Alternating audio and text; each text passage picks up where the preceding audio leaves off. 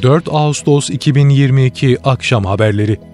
Cumhurbaşkanı Recep Tayyip Erdoğan'ın imzasıyla resmi gazetede yayımlanan kararla ÖSYM Başkanlığı'na atanan Bayram Ali Ersoy bugün görevine başlamasının ardından 2022 KPSS lisans oturumu ile ilgili merak edilen açıklamayı yaptı yapılan kapsamlı değerlendirmelerin ardından 31 Temmuz'da gerçekleştirilen KPSS oturumlarının iptal edildiğini, 6-7 Ağustos ve 14 Ağustos'ta yapılması planlanan oturumların ise ertelendiğini açıklayan Ersoy, yeni sınav takviminin en kısa sürede kamuoyuyla paylaşılacağını duyurdu.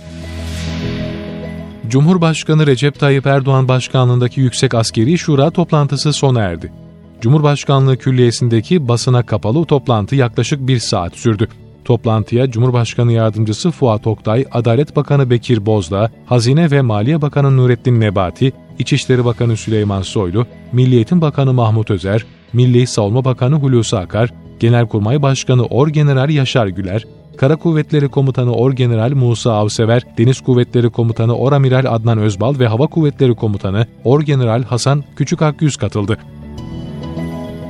İçişleri Bakanlığı'nca terör örgütü PKK'yı ülke gündeminden çıkarmak ve bölgede barındığı değerlendirilen teröristleri etkisiz hale getirmek maksadıyla Hakkari'de Eren Abluka 29, Şehit Jandarma Az Subay Kıdemli Çavuş Sinan Aktay operasyonu başlatıldı. Operasyonda Hakkari İl Jandarma Komutanlığı'nca Jandarma Özel Harekat, Polis Özel Harekat, Jandarma Komando ve Güvenlik Korucu timlerinden oluşan 632 personel ve 40 operasyonel tim görev alıyor.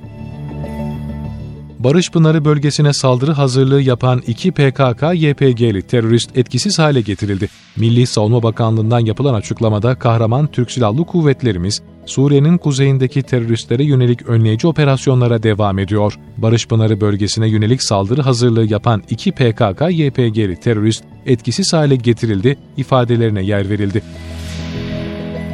İstanbul Zeytinburnu'ndaki Balıklı Rum Hastanesi'nde henüz belirlenemeyen nedenle yangın çıktı. İhbar üzerine bölgeye Bakırköy, Bahçeli Evler, Başakşehir, Zeytinburnu, Fatih, Kağıthane, Şişli, Beşiktaş ve diğer ilçelerden itfaiye ekipleriyle sağlık ve polis ekipleri sevk edildi. İstanbul Valiliği yetkilileri yangın nedeniyle şu ana kadar ölen ya da yaralanan olmadığını, 80'e yakın hastanın başka hastanelere sevk edildiğini bildirdi. İtfaiye ekiplerinin yangınla müdahalesi sürüyor.